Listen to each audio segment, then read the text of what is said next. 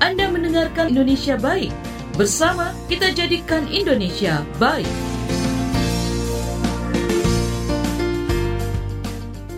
Isu sampah elektronik itu social movement ya yang saya lakukan.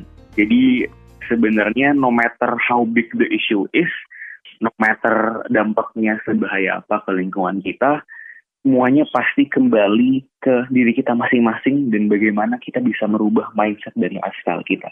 Karena, oke, okay, IWSRD sudah uh, mengumpulkan satu setengah ton, uh, dua ton bahkan sampai sekarang.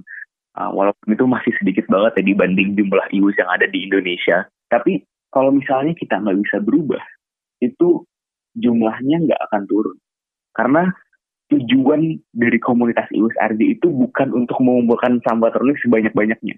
Tujuan dari komunitas kita bukan untuk selalu misalnya tahun ini kita dua ton, tahun depan kita tiga ton, empat ton. Dan IWSRD nggak pernah punya target gitu, oh kita harus 10 ton nih. Itu nggak pernah menjadi sebuah tujuan kita. Karena sama aja dong, uh, kalau misalnya kita bisa uh, ngedaur ulang, tapi kita nggak bisa ngurangin jumlah e-waste-nya.